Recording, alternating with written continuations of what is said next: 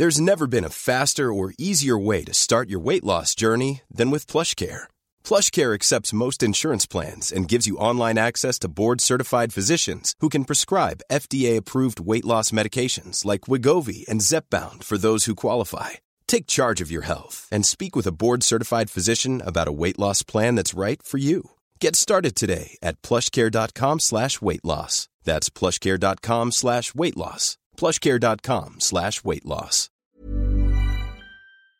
Give it up, gonna be alright.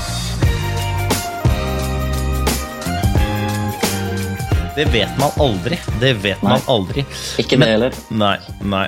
Men det jeg vet, gode mann, det jeg vet er at uh,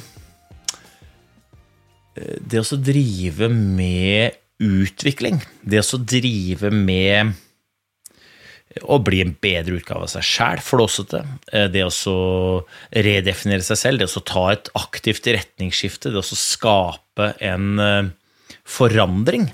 forandring, det er ting som veldig mange av oss kjenner på, og som veldig mange av oss syns er litt sånn vanskelig, krevende, eh, og eh, noe av det som i hvert fall jeg opplever er det største hinderet, det er at den vi har vært, står i veien for den vi kan bli.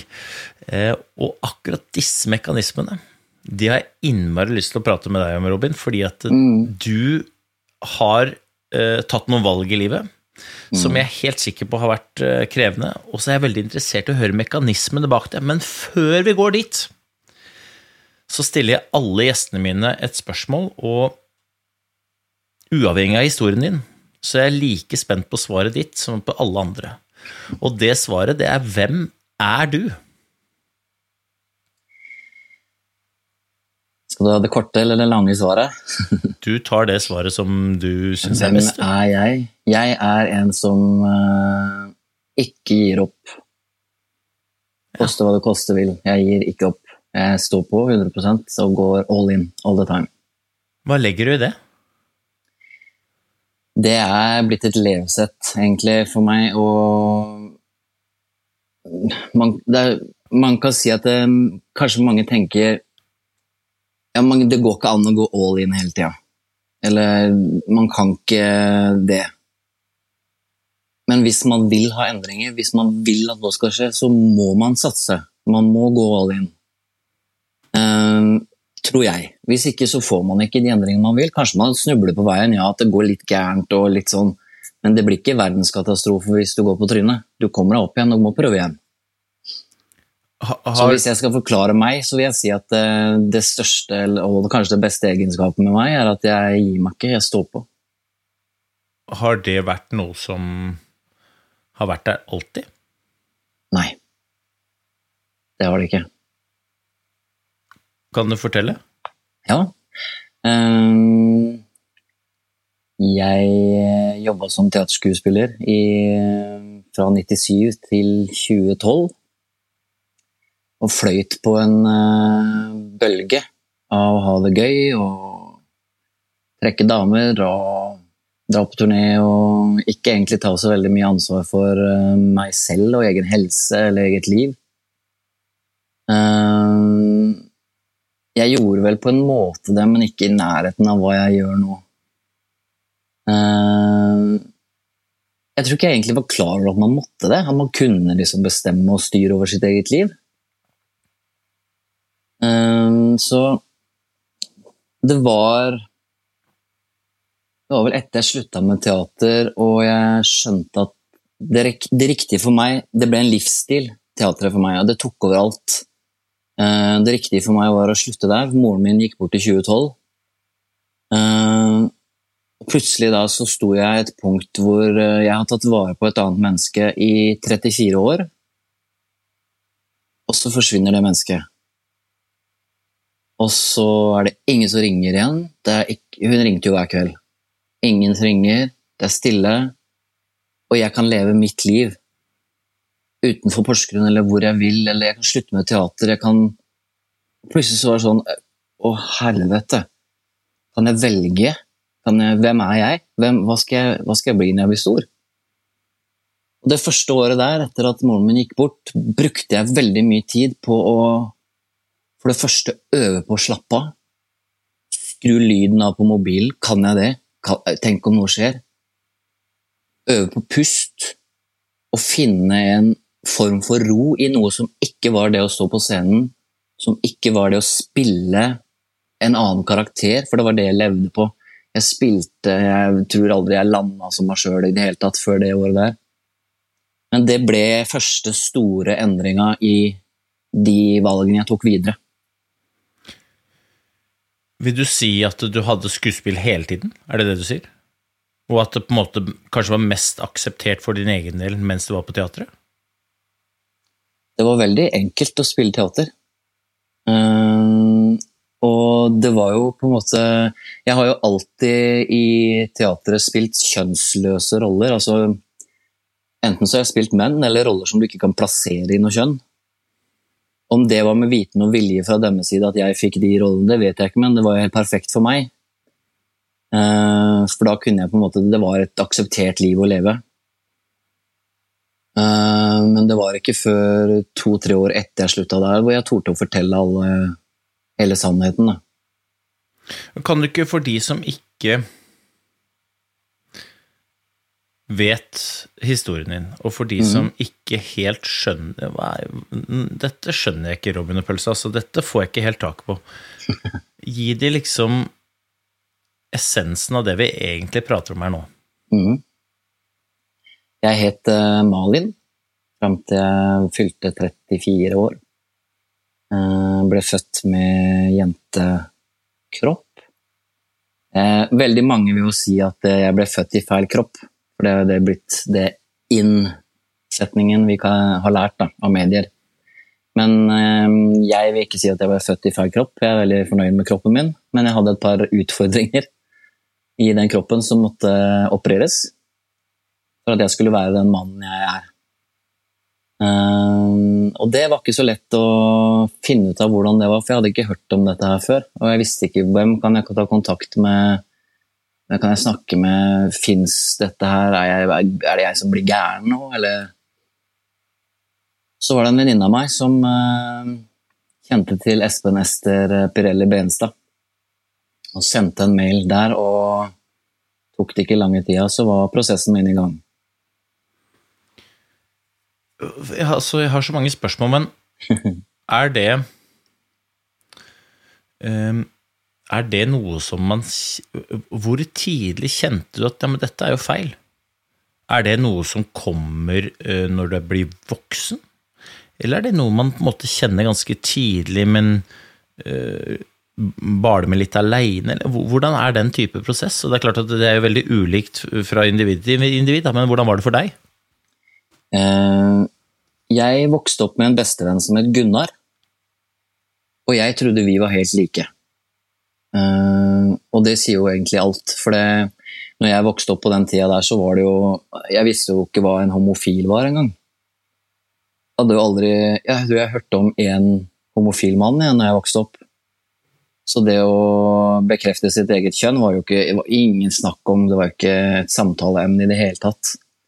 Men jeg har alltid gått kledd som gutt. Jeg har alltid hatt kort hår, ville være gutt, hengt med gutta, hang med Gunnar.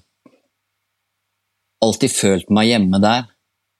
Helt til jeg begynte på videregående, hvor kravet til femininitet ble en sånn samfunnsengasjement. Du, ikke du kan ikke gå kledd sånn hvis du er jente. Nå må du ta deg sammen. Så da hadde jeg tre ganske tøffe år, hvor jeg prøvde å få langt hår, jeg prøvde å gå perleøredobber, og Nei, var helt eh, for meg helt feil.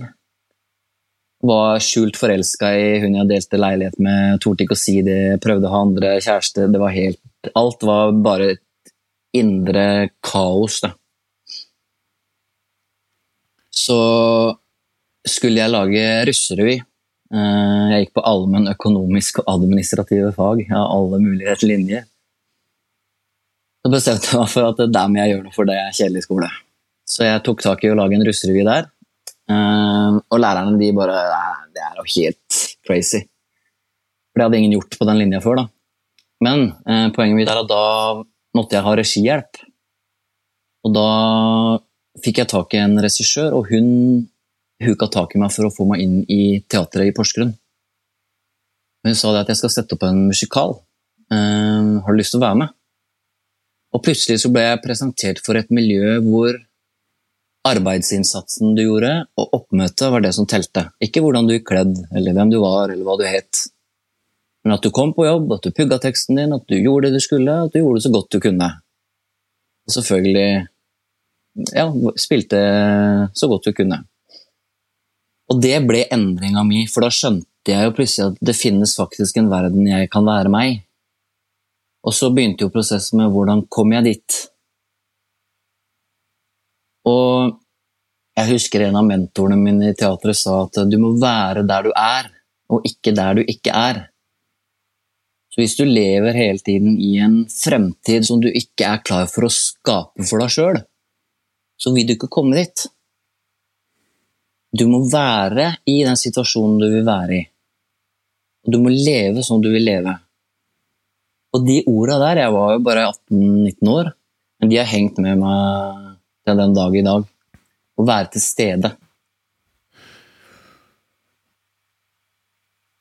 Dette er jo mekanismer som alle Nå kan jeg jo ta det for fjas, for dette er jo bare klisjeer, eh, Robin. Og jeg får høre at jeg også farer rundt med veldig mye klisjeer. Mm. Uh, uh, Men jeg hadde en, en gjest i en annen podkast, og han sa det godt. Han mente at klisjeer er noe vi sier. Og hver gang vi sier det uten å gjøre det, så tappes det litt for verdi. Og for hver gang det tappes for verdi, så blir det verre og verre å, å realisere det. Eh, Men Det har jo også blitt en klisjé av en grunn, da. Ja, ja, ikke sant? For det, det, er jo, det er jo dritviktig, samtidig som eh, det blir klisjé fordi at vi ikke, ikke gjør det. Det er bare sånn, liksom, grip dagen, det er den største klisjeen av alle, men jeg tror ikke det finnes noen særlig viktigere. Men um, jeg, jeg er interessert i Altså, hva Hva følte Malin på, da? Altså, hva var det du følte eh, når, når du var i den perioden og jeg antar jo at du da gikk og stilte disse spørsmålene. Altså, hvem er det jeg er, eh, og hvem er det jeg har lyst til å være, og hvor er det noen forskjell mellom dem jeg er og den jeg har lyst til å være? Og, um, er det da Er det en frykt for ikke passe inn du kjenner, eller er det, eller er det skam, eller er det eh, hjelpeløshet, altså, hva slags type følelser hadde du? Knytta til identitetsspørsmålet og, og hele situasjonen? Til å begynne med ingenting, for å være helt ærlig. Fordi jeg visste ikke hvordan jeg skulle løse situasjonen. Så jeg tenkte at så lenge jeg får operert bort puppene mine, så får jeg være fornøyd med det, og så får jeg bare leve som lesbisk. Og så Etter hvert så skjønte jeg at det kommer jo ikke til å gå. Det blir jo ikke et godt liv å leve. Eh, grunnen til at jeg venta så lenge som jeg gjorde, var at moren min var psykisk syk.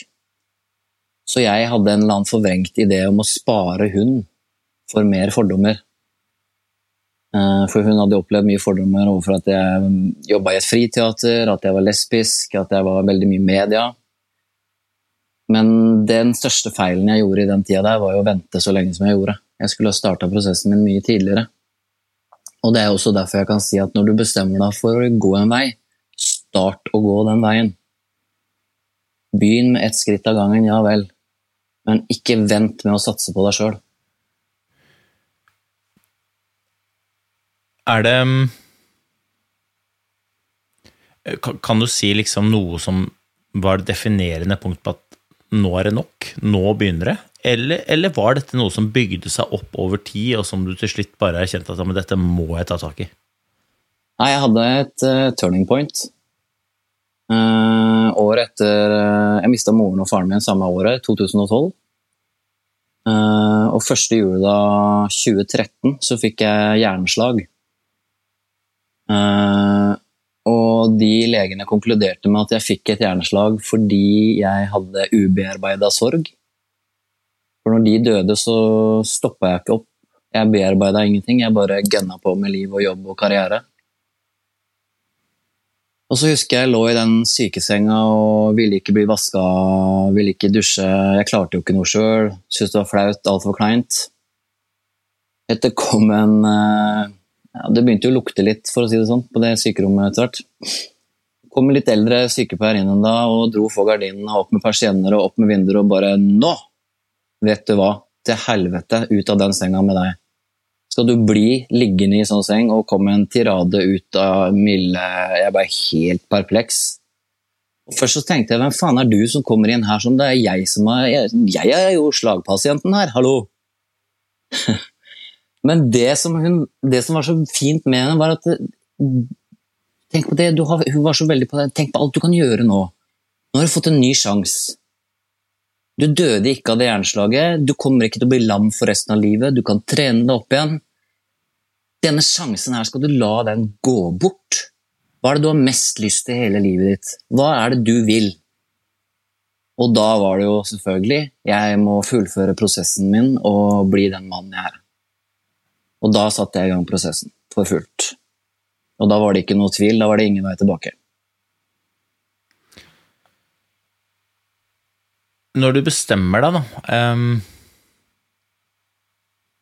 Hva slags uh, følelse får du i magen da? Eller hadde, hadde, ha, Vil du si at du hadde en sånn slags bør på skuldrene, klump i magen altså Det fins en haug av eh, metaforer på, på det, men vil du si at den forsvant og ble erstatta med noe annet? Eller på en måte, hvordan var det når du bestemte deg for at Fuck de greiene her, altså.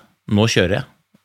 Kan du beskrive det? Veldig lett. Jeg følte meg helt konge, for å si det rett ut. Eh, fri. Jeg var bare sånn Nå kan ingenting stoppe meg. For nå har jeg bestemt meg, det er det her som er riktig. Og da tenkte jeg da kan hva som helst skje, da. Nå kan jobben gå til helvete, nå kan det gå til For jeg skal den veien nå. Og jeg skjønte at jeg må endre alt. Eh, Så måtte jeg kjenne kjenne nøye etterpå er jeg, er jeg sterk nok til dette her? Fordi jeg var jo forberedt på en eller annen måte på å miste venner og bekjente.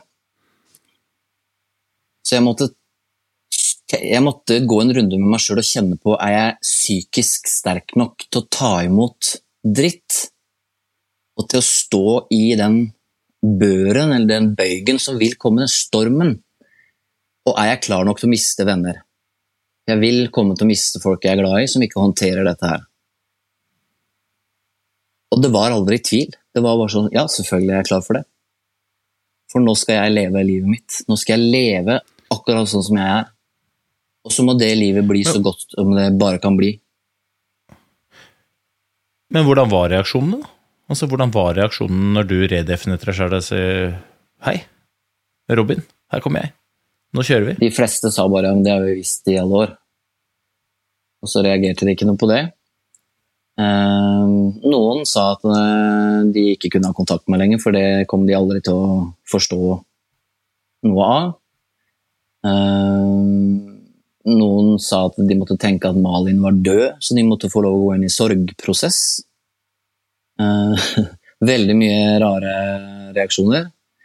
Men der kommer vi igjen tilbake til dette her med å forstå og akseptere, for det Ingen kan forstå den prosessen. Ingen som ikke har vært i den prosessen, kan forstå den. Men alle kan akseptere at det er sånn det er. Og jeg kommer aldri til å kreve av noen at de skal forstå dette her. Det kan jeg heller ikke gjøre hvis ikke du har vært der sjøl. Altså em, Du beskriver jo at du, du følte deg helt konge. Eh, og, og jeg tror på det. Jeg ser jo, jeg hører på stemmen din, og jeg ser uh, på det at du, du mener det. Uh, men samtidig så vil jeg jo anta at det var litt frykt inne i bildet. Var du redd opp mot dette, og, og gjennom, ja, gjennom helt fram til du er 34? da? Var du redd for å ta det skrittet? Var du redd for å gjøre det, selv om du visste at det var riktig? Jeg tok jo ikke skrittet før jeg var 34, før etter mamma gikk bort. Uh, og det var jo fordi, uh, som sagt, at jeg utsatte det for å ikke utsette hun for noe. Uh, men at jeg var redd, det var bare derfor. Jeg var ikke redd for noe, jeg var, ikke, jeg var jo bare klar for å bli meg. Når jeg sto opp om morgenen og så kroppen min i speilet, så var det som jeg sto og kikka på en annen. Hver morgen så var det bare sånn hva, åh, er, hvordan går det an? Liksom? Er, når er det skal endre seg? Og Jeg husker jeg spurte jo mamma om det også når jeg var liten. Når får jeg samme tiss som Gunnar? Jeg skjønte jo ikke Skal ikke jeg få det? Jeg er jo helt lik han. Ja. Men det er jo Det er noen som sier at det aller modigste du kan gjøre, det er å være deg sjæl. Mm. Og, og det og igjen og tilbake til klisjeer og floskler, så det er jo en jævla floskel, men um, jeg antar at det er et utsagn som du har ganske sterkt forhold til. Men hva, hva tenker du om det, da, i forhold til at du sier at du ikke nødvendigvis var redd, eller at du ikke hadde noe frykt i det bildet, men i, fra utsiden i hvert fall, Mm. så må jeg jo si at det, er, det, der, er, det der er modig. Mm. Altså, eh, vi, vi snakker jo om at folk syns det er krevende å begynne å uh, spise mindre kjøtt uh, i 2022. At folk syns det er krevende å begynne å jogge litt. At folk syns det er krevende å begynne å si litt nei, slik at de kan ha litt fritid. Eh, og så går du liksom hen og, og snur Ja, altså, du endrer jo kjønn. Altså, det Hvilke forhold har du til mot? Jeg tror eh, det motet kom av seg sjøl når jeg lå i den sykesenga etter første hjerneslag. Fordi jeg hadde ikke noe valg. Eh, Det var enten bli liggende og bli pleiepasient resten av livet, eller så må du gjøre noe. Eh, Og det motet det har jeg, det høres kanskje flåsete ut, det òg, men det har jeg på en måte alltid hatt. Har, det er veldig mange som har kalt meg veldig impulsiv uten lite gjennomtenkt. Men jeg har alltid hatt et mål. Jeg har gått for det målet, og så har det blitt litt brått på for noen, kanskje, da. Mens jeg samtidig har jo planlagt ting inni meg. Men det er ikke alltid jeg har sagt høyt hva jeg planlegger, og da blir det jo veldig brått for noen, som da kaller det impulsivitet. Og lite gjennomtenkt eller feigt. Men det motet har jeg nok alltid hatt, fordi jeg alltid måtte stå opp for eh, meg og for, min mor og måten jeg vokste opp på. Eh, jeg har aldri vært redd for å stå i bresjen for å beskytte en kompis eller en venn. Hvis det er noen som blir mobba, så går jeg foran. Alltid vært den som tror på rettferdighet. Eh, så jeg tror det motet på en måte Jeg vet ikke hvordan jeg skal si. Det det har alltid ligget der. Og når det kom til mitt eget liv Jeg var på et punkt hvor det var bare sånn Nei, nå er det nok. Nå, nå kan jeg ikke Hvis ikke jeg gjør noe nå, så kommer det til å gå gærent. Så da må jeg ta ansvar for det. Hvis du ikke hadde fått hjerneslaga? Ja. Hvem vet? Mest sannsynlig Hadde du hatt, hadde du hatt det motet da, tror du? Jeg, jeg Eller, altså, du, du sier at du har motet, men um, mitt forhold til mot er syns, jeg syns mot er jævlig spennende fordi at um, jeg mener at mot er noe som alle sammen har, eh, men mot er ikke verdt nåla i veggen hvis ikke det brukes. Nei, det er sant. Eh, og, og, og det som er gøy med mot, er jo at det er ingen som kan gi det til deg. Altså, jeg, kan jo, jeg kan jo stå på siden og heie. Mm. Jeg kan gi deg tilrop, jeg kan oppmuntre deg til, men altså det å faktisk gjøre Mm. Om det er det ene eller det andre, det er jo bare Altså, det er jo den som skal gjøre det, som må bestemme seg for at jeg har nok mot til å utvise det. Mm. Og, og, hvis, og inntil man gjør det, så er det ikke verdt så mye. Mm. Men, men tror du at du hadde eh, tatt det valget hvis du ikke hadde fått eh, hjerneslag? Ja. Det valget hadde jeg tatt uansett, men jeg tror ikke det hadde gått så kjapt og vært så enkelt valg hvis ikke jeg ble syk. Jeg tror jeg hadde brukt litt mer tid. Eh, Jeg følte jo på, et, på en måte at jeg fikk litt dårlig tid. Jeg var jo veldig redd for å bli syk igjen og tenkte at nå må jeg forte meg. Jeg må gjøre det som er bra for meg. Jeg må, nå må jeg virkelig leve her. Eh, Og så hadde jeg jo ikke dårlig tid, heldigvis. Men jeg tror at det var utløsende faktoren for at det kom, gikk så kjapt. da. Jeg bestemte meg den ene dagen, og så startet jeg den andre dagen, og så var det i gang. Ja. Vi, vi, vi, hvilke Hvilke mekanismer eller hvilke, hvilke ting var det som var i spill som gjorde at du på en måte venta så lenge? Én så- Én ting var jo moren din, men eh, hadde du liksom en slags sånn Kall det styggen på ryggen, eller kall det, hva- kall det hva du vil, men et eller annet som fortalte deg noe som gjorde at du venta så lenge? Eh, Jeg er vokst opp i en veldig kristen familie. Det gjorde det jo veldig vanskelig. Eh, Og det Ja. var jo en av grunnene til at jeg beskytta moren min så mye. Fordi jeg, som jeg sa, kan stå i den stormen med fordommer. Jeg tar det ganske greit. Jeg, er ganske trygg i meg sjøl. Men jeg er ikke veldig ok med at eh, andre skal lide for noe jeg har gjort. Så det Det var, som jeg sa det var bare rett og slett det også, en faktor at hun ikke skulle få det verre. Um, hvis du hadde fått muligheten igjen, da, Mm. Begynt mye hvis tidligere. moren din hadde levd, hadde, du, hadde du gjort det? Hadde du da sett annerledes på, eh, på det mm. rundt, eh, rundt dette med at moren din skulle lide for de valgene du hadde tatt? Ja. Er, er ikke det litt sånn den derre jeg, jeg sa det jo innledningsvis, at jeg, i sånne utviklingsprosesser, eh, om det er det store eller små, så har man en tendens til å se framtida med fortida, og at det da fortida ofte er et hinder for framtida. Altså den du har vært, står i veien for den du kan bli, og at en måte, du var definert som det du var definert som. Og at det på en måte føltes som et stort hinder for, for å redefinere seg selv. Tror du ikke at mange kjenner på de der, akkurat de, de tingene der sånn? Veldig mange som kjenner på det. Eh, Jeg jobber jo veldig mange, mye med ungdom som er i samme situasjon. Jeg Har samtalegrupper både med, for ungdom og familie, pårørende. Eh, Og jeg, ja, som for å svare, da, så jeg, hvis jeg kunne gjort det igjen, så hadde jeg jo starta mye tidligere. Og det handler også om at eh, du kan se rent praktisk og medisinsk på det, så tar kroppen din mer imot de medisinene du får når du starter tidligere. Du får en bedre prosess. Eh, Du slipper å gå gjennom puberteten som 34-åring, selv om jeg syns det var ganske festlig, det òg, faktisk. Men nå er jeg skuespiller, da, så jeg syns det var helt vilt hva som skjedde med kroppen. Men jeg anbefaler jo familier og ungdom og unge voksne å lære seg, øve seg, tør å satse på deg sjøl. Hvis du har ett kort igjen, og du veit at det kortet kan gi deg en million, så spiller du det kortet. Men hvorfor spiller du ikke det kortet på deg sjøl? Altså, bare et lite break nå i episoden, for at eh, denne episoden den gjør jeg sammen med mine gode venner i Coop. ikke sant? Og Coop det er jo finne folk, men jeg må være ærlig og si at jeg setter jo nesten like mye pris på kaffen. ikke sant? Altså Coop kaffe, min personlige favoritt, det er smaksserien eh, og type Kenya-bønner.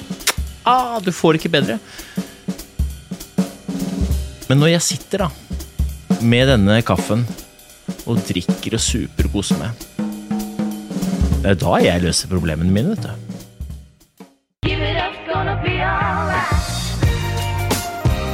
Og hvis man da liksom bruker det du har vært igjennom, og så putter det i konteksten av alle, da. Alle slags utvikling, alle slags utviklingsprosesser, alle slags utfordringer og hindringer som folk står i, store eller små. Um, og jeg kan jo spørre deg, da, så når du, når du møter utfordringer i dag, da. Hvordan er det du angriper de nå? Altså, og hvordan ser du på utfordringer nå? Og, og, og hva er rådene du gir til de folka som møter utfordringer? I lys av det du har vært igjennom sjøl? Det jeg forsøker å være god på når jeg møter en utfordring, er også ikke angripe utfordringen med en gang, men å stoppe opp og prøve å se den litt utenifra.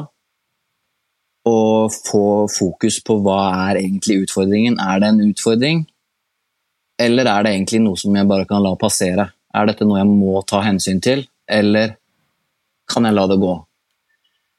Ehm, jeg som 20-åring angrep alt av utfordringer og problemer med horna først, og ble dritforbanna, og, og alt var bobla over. Og det har vært en veldig viktig del av den jeg ville bli, var at jeg skal lære meg å fokusere på det som er rettferdig og det som er riktig, og det vil jeg også lære bort. Eh, og det å møte utfordringer det kommer an på, kan, Det er mange slags utfordringer du kan møte. Men jeg tenker at hvis du lager en, en grunnregel for deg sjøl At uansett hva jeg møter på, så skal jeg stoppe opp, trekke meg litt tilbake før jeg angriper, eller ta situasjonen imot. For å se hva det er. Og veldig ofte så er ikke den situasjonen så stor eller så vanskelig. Ja, det der er, det der er, um, det der er jeg ganske enig i, for det er veldig lett eh, å bli styrt av følelser når man treffer utfordringer. Og følelser de er veldig sjelden rasjonelle. De er stort sett alltid ærlige, eh, og, men de er veldig prega av hvordan du føler deg den dagen, og, og veldig mye annet. Og så er det ikke som nødvendigvis alltid med på å løse situasjonen til din favør.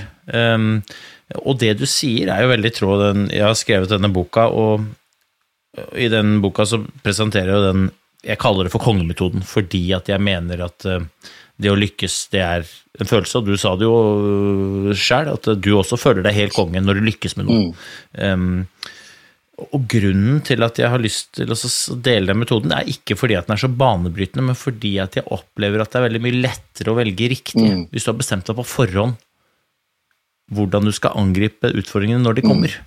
Eh, og, og, du sa det jo selv, at det liksom Lag deg en grunnregel for at når du treffer utfordringene, så tar du det skrittet ut. Da. Og det er på en måte din, din kongemetode. da, ikke sant?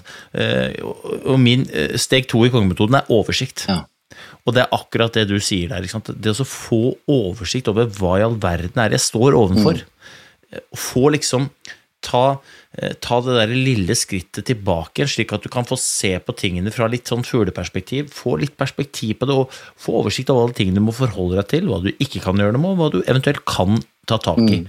Slik at du kan stokke de kortene du har utdelt på hånda. Mm. Ikke gå rundt og håpe at du hadde andre kort, eller, men altså, du kan stokke de kortene du har, og begynne å spille, slik at du kan enten gå forbi utfordringen hvis den ikke er så relevant, mm. eller løse den når du står der. Men altfor altfor ofte så møter jo disse, bare, disse utfordringene blir kasta litt på oss uten at vi har en klar strategi på hvordan vi skal angripe mm. dem. Og da er det lett at man blir på en måte vippa av pinnen, og, og at disse, disse, små sirklene i vannglassene blir til store stormer mm. fordi at vi, vi får ikke oversikt over at det er bare et lite mm. glass. Mm. Vi står bare midt nede i vannet og, og, og ser disse små ringene. Mm. Ja, absolutt. Og jeg skal ikke si at jeg er noe perfekt på å ta enhver utfordring på strak arm og automatisk trekker meg tilbake og løser det perfekt hver gang. Det er et mål jeg jobber og tilstreber, vil bli sånn, etc. Eh, og jeg kjenner jo det at hvis jeg har jobba mye eller eh, sovet mye dårlig, vært sløv med trening en periode, og noen kommer med noe f.eks. som reagerer Rokker ved følelsene mine, da, eller emosjonene mine, så er det vanskeligere for meg å ta det steget tilbake. og Da vil jeg jo gjerne rette opp i ting. ikke sant? Vi vil jo gjerne at ting skal være greit og fint. Og vi vil jo gjerne ha det behagelig. Sånn er vi jo lagd. Vi er jo komfort, uh, ute etter komfort, de fleste av oss. Uh, men der igjen, ikke sant Trekk deg tilbake og tør å stå i det at det er litt ukomfortabelt. For det, mm. det, er, det å tørre å stå der vil gjøre at når neste utfordring kommer, så sto du i forrige utfordring rakrygga og ukomfortabel, men du klarte det. Ja, og så er det jo er, ikke, er, man ikke litt inne da på den derre Altså, vi er komfortdyr, men, men, det vi aller helst ønsker og søker, det er ikke komfort alene, men det er jo følelsen av mestring, mm. mening, mm. fremdrift. Uh, altså, man er jo ute etter å skape en slags utvikling der, da. Eh, og i møte med disse hindringene så det, har, man jo, har, man jo, to valg. Enten å måtte løse utfordringa, gjøre det som skal til for å løse den, eller bøye av. Eh, og hvis man bøyer av, så, så, vil jo det føles deilig der og da, men så kommer jo den der dumme smerten av at ah, da kommer det samme problemet igjen i morgen. Mm. Eh, mens hvis man velger at greit, nå skal, jeg, nå skal jeg løse den utfordringa, jeg skal få oversikt over det jeg kan gjøre, planlegge når jeg skal gjøre det som skal til for å løse den, løse utfordringa og så evaluere etterpå. Så det vil jo først føles som litt krevende utenfor den der komfortsonen som du snakker om, men konsekvensen av det er jo, eh, med fare for å sitere deg, da, helt konge. Altså, man må jo velge mellom en kortvarig glede og så en langvarig smerte, eller en kortvarig smerte for så en langvarig glede. Og når man på en måte setter opp sånn, så er det ikke noe tvil om hvilken vei man har lyst til å gå.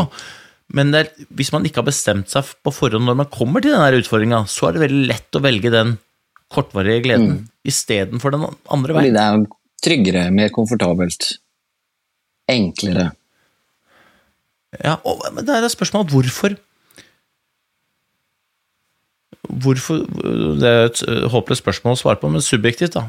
Hva er det du tror er årsaken til at vi syns det er så krevende å drive med utvikling? Du må gjøre det sjøl. Er det det som er greia? Jeg har tenkt veldig mye på det, og jeg tror at ja, Hvis jeg er veldig fordomsfull nå, så beklager jeg det på forhånd, men jeg har tenkt veldig mye på hvorfor folk ikke bare gjør ting. Hvorfor gutser ikke folk mer når de, de ser tydelig målet foran seg, men du må bare ta de ti siste skrittene, så Jeg tror det er for mange som er vant til å få det rett i fanget. Eh, Det er ikke mm, alle som er kjent med å jobbe seg oppover. Eh, Jeg starta når jeg jobbet, starta i Grønland fritid, så starta jeg med å vaske dass. eh, Og kopiere manus og vaske scenegulvet. Jeg fikk ikke noen roller. Eh, Men det ga meg også et eierskap til det teatret, som gjorde at jeg blei der i 16 år. Så det er noe med den derre Vi må tørre å hvor, Se det fra et litt annet perspektiv. Da. Hvor mye vil du egentlig ha den utviklinga? Er det en utvikling du vil ha fordi det kommer til å gi deg et godt liv? Hva er det du står og venter på da, tenker jeg? Hva er du redd for? Det verste som kan skje, er at du går tilbake til akkurat samme hverdagen du har nå. Det beste som kan skje, er at du får en helt ny hverdag som bare er nydelig. Ja, der er du, der er du god. Du, du, du pirker jo borti et par uh, ganske vesentlige ting der, da. Um, som, um, som jeg tror er noe som veldig mange kan kjenne seg igjen i. Det ene der er jo den derre eh, Du sa det jo selv også, jeg spurte deg hvordan, hva, hvordan følte du før du på en måte kom i gang med prosessen, og da svarte du likegyldighet. Eh, og at det, vi har kanskje en tendens til å akseptere situasjonen som man er, selv om den ikke er optimal. At vi liksom Når ting over tid føles eh, feil, så gir man litt opp, og så blir man litt sånn likegyldig til det. Mm. Og det er jo jævlig skummelt, da, for hvis man da blir likegyldig og ikke får det til, så er det så vanskelig å få tak i det som du andre som du prater om, det der eierskapet til at men hva i all verden er det som er alternativet til dette? Eh, og, um, og det er jo litt sånn at det, det å drive med utvikling, det er jo Uansett åssen vi vrir og vender på det her, sånn, så er jo det krevende. Absolutt. Eh, og, og, og vi som, vi som Jeg opplever at det er veldig lett å høre at folk klager over utfordringer som blir kasta på dem. At det er, så, det er utfordrende tider. Det er krevende. Men de som ikke har noen utfordringer, de har jo ofte en tendens til å klage over at de kjeder seg i hjel. Eller at det går i det, går i det vanlige, at det går i det samme, det går i den samme tralten. De er ikke på vei noe sted, men de bare gjør det de pleier å gjøre, og det er rutiner. Og de savner jo egentlig den utfordringen. Jeg, altså, for meg er det et sånt slags øh, Jeg skjønner ikke. Jeg skjønner ikke hvordan vi ikke klarer å ta tak i det. Nei, og jeg er helt enig med deg akkurat der, fordi jeg prater jo med Det er jo også voksne mennesker som kommer og har samtaler med meg, som ikke har noe med å bekrefte sitt eget kjønn å gjøre, men som vil gjerne ha noe mentaltreningshjelp eller et eller annet. Og det er som du sier, det er mye klaging. Og så Jeg har ofte satt de ned Skriv ned hva du ønsker. Lag deg en sjekkliste, bare så begynn på toppen. Nei, vet ikke hva jeg skal sette først. Og... Så du, de setter ofte en begrensning for seg sjøl før de til og med har prøvd. Og da er det jo lite fremgang i den prosessen hvis du stopper prosessen igjen før du har forsøkt prosessen.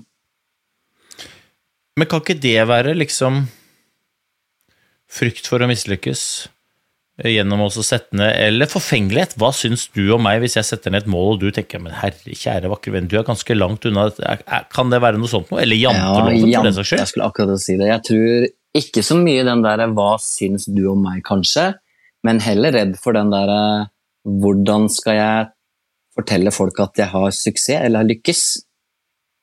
For det skal man jo ikke i samfunnet vårt. Vi skal jo ikke være bedre enn noen andre, og vi skal heller ikke få til ting som andre ikke klarer.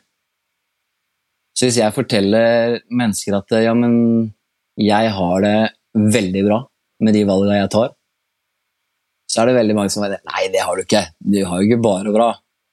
Nei, jeg har jo normale utfordringer, selvfølgelig, som alle mennesker har. Jeg er sulten, jeg er trøtt, jeg er sur, jeg er grinete. Men jeg, i den personen, i det mennesket, i det valget jeg tar, så har jeg det bra. Og der, det skal vi liksom ikke si. Vi skal liksom ikke lykkes. Og jeg husker veldig godt det der med det å starte i en eh, bransje som f.eks. teater. da som eh, veldig mange var mot. For man kan ikke leve på den tida, du kan ikke leve med teater, og i hvert fall ikke et friteater. Men så fikk jeg teaterpris. Eh, fikk tre teaterpriser. Og da var det jo greit. Da var det liksom jøss, ja, ja, da. Men jeg kunne ikke skryte av det etterpå. Det var, det var den dagen du fikk prisen, og så må vi glemme den. Nå må du jobbe på. Så jeg vet ikke. Det er veldig Vi, vi stagnerer, tror jeg, i den derre ønsket om å være og leve noe annet. Men tenk om ikke naboen godkjenner det. Ja vel, så drit i naboen. Hvem skal leve i det livet her? Skal naboen eller deg? Ja, men de slenger sikkert dritt. Nei, tror ikke de gjør det. Jeg tror de fleste mennesker ikke slenger dritt om deg, for å være ærlig. Ja, det er, altså Vi har en egen evne til å tro at hele verden følger med på hva vi gjør. Ja, utrolig. Tenk om det hadde vært sant. Fordi, ja, ikke sant? Fordi at det er jo sånn, De fleste er øh, beklager for å si det, de er altså så opptatt med seg sjæl og sitt at de har ikke tid til det røret ditt. Og, og det gjelder for alle, tror jeg. Altså, og, du, og du kommer jo ikke på radaren til folk. I hvert fall min erfaring er Og jeg har bala mye med mye forskjellig. Og, og jeg er aldri på radaren til folk før jeg virkelig får til noe. Da kommer jeg på radaren. Men alle de gangene jeg eh, prøver og feiler, så er det ingen som legger merke til det. De aller nærmeste de plukker meg opp igjen og dytter meg ut eh, på nytt forsøk, men i det store og det hele så er det ingen som bryr, meg, bryr seg. Men når jeg får til noe, så er folk interessert. Og ikke bare da i å få, å få høre suksesshistorien, men da blir folk mest inspirert av å høre på det jeg har bala med. Altså Folk blir mest inspirert av å høre at jeg også har prøvd og feila, at jeg har gått på snørret, at jeg har lært sånn som alle andre lærer gjennom å gjøre, feile, lære, prøve på nytt og, og holde på sånn, da. Og jeg, jeg, jeg skulle ønske at vi, vi var mindre opptatt av hva andre syns om oss, og mer opptatt av hva vi syns om oss sjæl. For det er, jo, det er jo Jeg tror det er umulig å lykkes hvis man går rundt og prøver å være den du tror at omgivelsene tror at du skal være. Jeg klarte jo ikke det lettere. når jeg var Malin. Jeg trodde jo at folk ville jeg skulle gå kledd sånn, være sånn, være sånn. Det gikk jo ikke bra. Psyken min var jo helt Helt ute og kjører. Ja, og jeg tror og jeg tror mange kjenner på det, i hvert fall i dagens samfunn, hvor det er på en måte så mange stereotyper og det er så mange krav, og, og kanskje, kanskje dette gjelder spesielt ungdom, men jeg tror det gjelder like mye oss voksne. Ja. Eh, vi bare sier at det ikke gjelder oss, så kan det godt hende fordi vi har blitt likegyldige, at vi ikke bryr oss lenger. Eh, men kan du ikke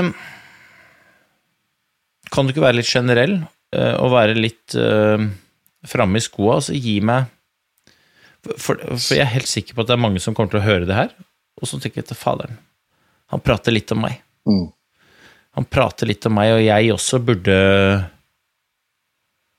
burde ta tak i. Jeg også har noen ting som jeg undergraver, øh, og som jeg har blitt likegyldig til, eller som jeg kjenner på hver dag.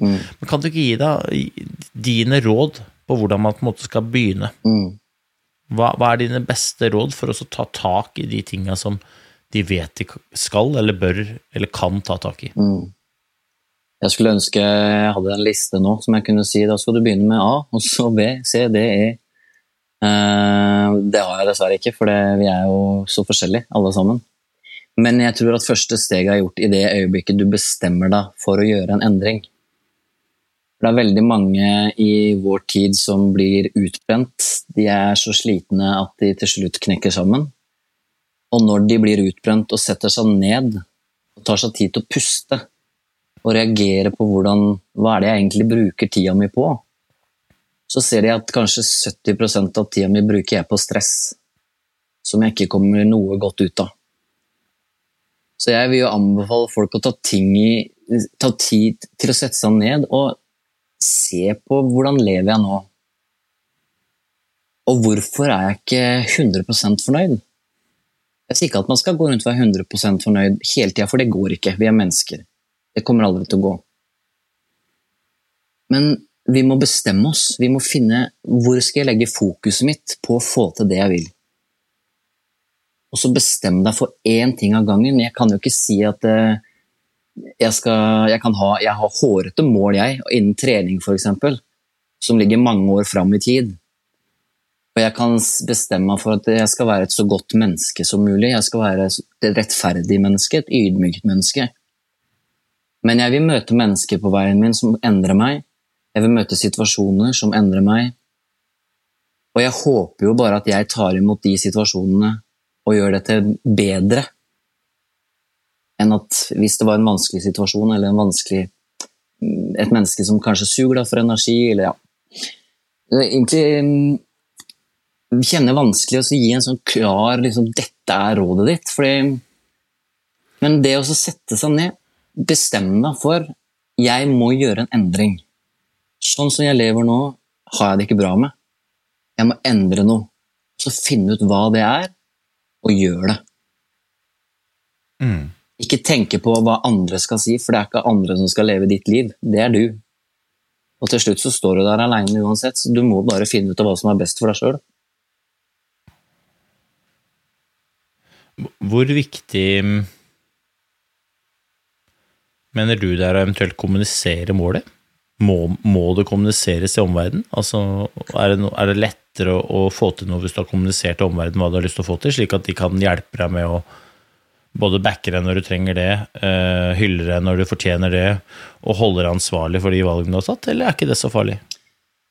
Det er jo så inn nå med alt dette, disse quotesa og memes og sånn som står på nettsider at du skal holde målet ditt for deg sjøl, så lykkes du. Ikke fortell planen din til andre, for da kan noen andre stjele planen din, og bla, bla, bla. Men jeg er sånn poster på Instagram, ut i aviser, på veggen på bilen, send det til vennene dine på tekstmelding, for det gir en forpliktelse. Og det gir ikke noen forpliktelse overfor de, men det gir en forpliktelse overfor deg sjøl, for du har sagt til noen at 'jeg har lyst til å gjøre en endring'. Ja, Så spør de hva da? Nei, jeg har lyst til å gjøre det og det, for akkurat nå så har ikke jeg et godt liv. Mest sannsynlig så vil vennene dine si 'så bra'. Kjempebra, bare si hva du trenger, vi er der. Og når du har forplikta deg til det målet ved å fortelle om det, så er det veldig vanskelig å snu og tenke at jeg orker ikke akkurat i dag, men du har fortalt alle om at du skal gjøre det. Så det blir et sånn lite push i ryggen på deg sjøl, tenker jeg, da, som er litt sunt. Du må ut av komforten. Du må kjenne litt på den der faen at jeg fortalte om det. Nå må jeg gjøre det. Jeg tror det er bra, jeg. jeg tror det er sunt.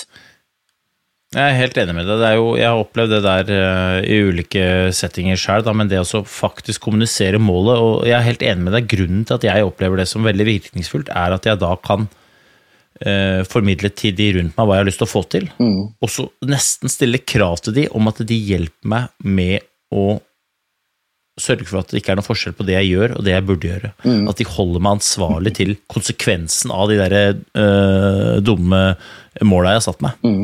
Slik at jeg faktisk får til det jeg har lyst til å få til. Mm. Fordi at i, i denne prosessen så kommer man til mange sånne dumme veivalg, hvor man igjen står mellom den der kortvarige gleden av å slippe, Mm. men så den langvarige smerten over at faen, jeg gjorde det ikke. Eller den kortvarige smerten av å gjøre, Mm. for så den langvarige gleden av at jeg er helt konge. Mm. Um, jeg har bare ett spørsmål igjen, jeg. Ja. Eller jeg har mange spørsmål igjen, men um, um, i denne episoden har jeg bare ett spørsmål igjen. Mm. Og Og det er Hva er det du ser på som suksess? Hva, er, hva vil det si å lykkes? Hva er suksess for deg? Den har jeg tenkt litt på, den der. Ehm, Og for meg så er suksess vekst. Eh, Enten det er vekst i firmaet mitt, vekst ved at jeg ser en av ungdommene jeg jobber med, tørre å være seg sjøl. Vekst ved at jeg vokser eh, selv på en eller annen episode, en eller annen handling, i en eller annen setting. Eller vekst ved at jeg går igjen ut av komforten min og lærer meg noe nytt, tør noe nytt opplever nye mennesker. Um, vekst i form av å ta seg tid til å lytte til andres historier, lære av andre mennesker.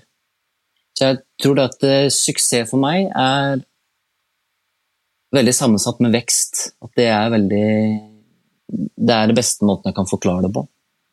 Suksess for meg er ikke den gullmedaljen som du holder fysisk i handa. Det er, kan være mye større eller mye mindre enn det. da.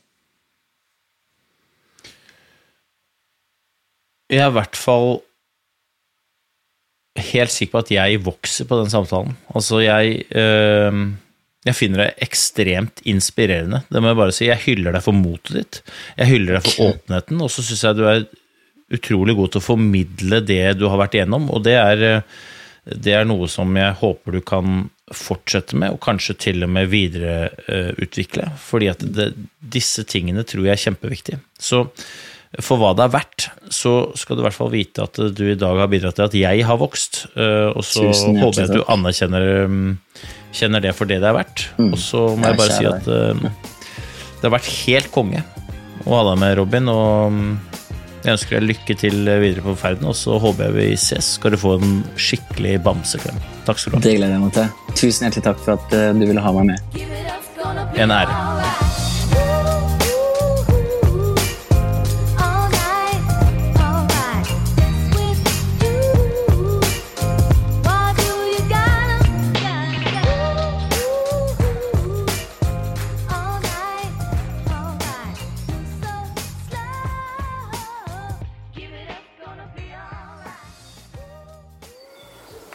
Gode dager.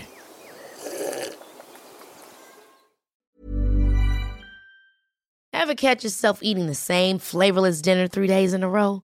Dreaming of something better? Well, HelloFresh is your guilt free dream come true, baby. It's me, Gigi Palmer. Let's wake up those taste buds with hot, juicy pecan crusted chicken or garlic butter shrimp scampi. Mm. Hello Fresh. Stop dreaming of all the delicious possibilities and dig in at HelloFresh.com. Let's get this dinner party started.